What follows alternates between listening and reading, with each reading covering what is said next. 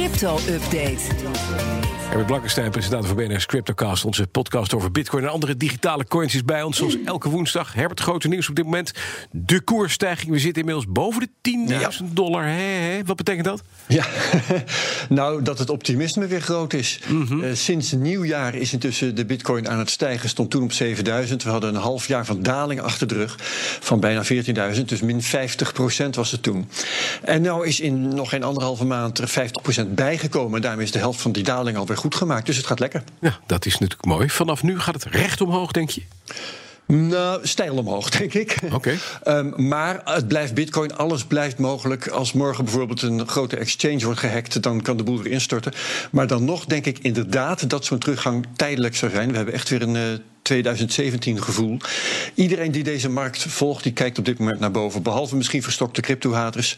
Maar ja, die volgen de markt niet. Die zitten met hun neus in hun eh, innovatieve spaarbankboekjes. Hoe gaat het met die andere cryptomunten, die altcoins? Ja, die stijgen eigenlijk eh, lekker mee op dit moment. Het is niet zo dat eh, de altcoins eh, nu aan een inhaalslag bezig zijn. Er zijn er een paar die stijgen harder dan bitcoin. Andere gaan juist iets langzamer. Verschilt ook nog per dag.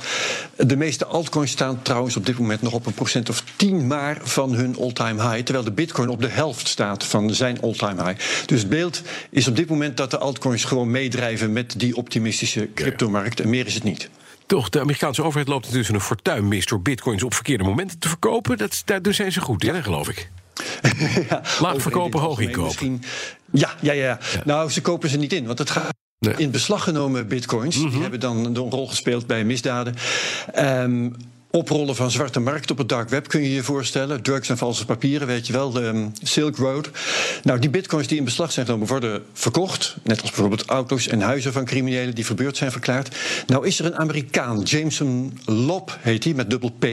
Die heeft een soort rekenmachine gebouwd. Houdt bij hoeveel bitcoins er zijn verkocht door de overheid, tegen welke koers, hoeveel het heeft opgebracht. En hoeveel dat zou opbrengen als ze hadden gewacht en ze nu zouden verkopen. Ja.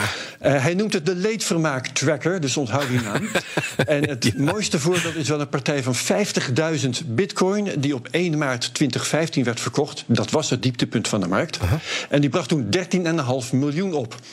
Hadden ze gewacht en tegen de koers van nu eh, die bitcoins verkocht... dan had dat een half miljard kunnen zijn. En al, Ja. met alle transacties die op de lijst staan... staat de Amerikaanse staat zo 1,7 miljard in de min. Ja, is dat domheid van ze? Nou, dat vind ik eigenlijk niet. Want kijk, een overheid hoort niet te speculeren met in beslag genomen goederen. Met huizen zullen ze dat ook niet doen. Aan de andere kant, als de overheid gewoon zou erkennen wat de overheid volgens mij nergens doet, dat bitcoin geld is, dan zou het probleem er niet zijn. Want dan hadden ze geld en konden ze die bitcoins gewoon houden. Net zo goed als ze ook wel eens vreemde valuta erop nahouden. Dus misschien is dat een goed idee voor overheden. Eh, kijk naar bitcoin en eh, eh, stel vast dat het geld is. Duidelijk. Wat zit er in de cryptocast in slottekort? Marcel Burger, een econometrist, komt uit de echte financiële wereld. Adviseert nu eh, investeerders over crypto. Hij heeft de modellen nagerekend van Plan B. Dat is ook een expert uit de financiële wereld. Die voorspelt spectaculaire koersstijgingen nog verder voor de bitcoin komende twee jaar. Hij heeft die modellen niet kunnen ontzenuwen. Dus we krijgen een potje harde wetenschap. Ook weer in een optimistische stemming. Maar zoals je weet, ik heb altijd mijn flesje azijn bij. Dankjewel, Herbert Blankenstein. Alle afleveringen van de Cryptocast te beluisteren via de BNR-app of je favoriete podcast-apps.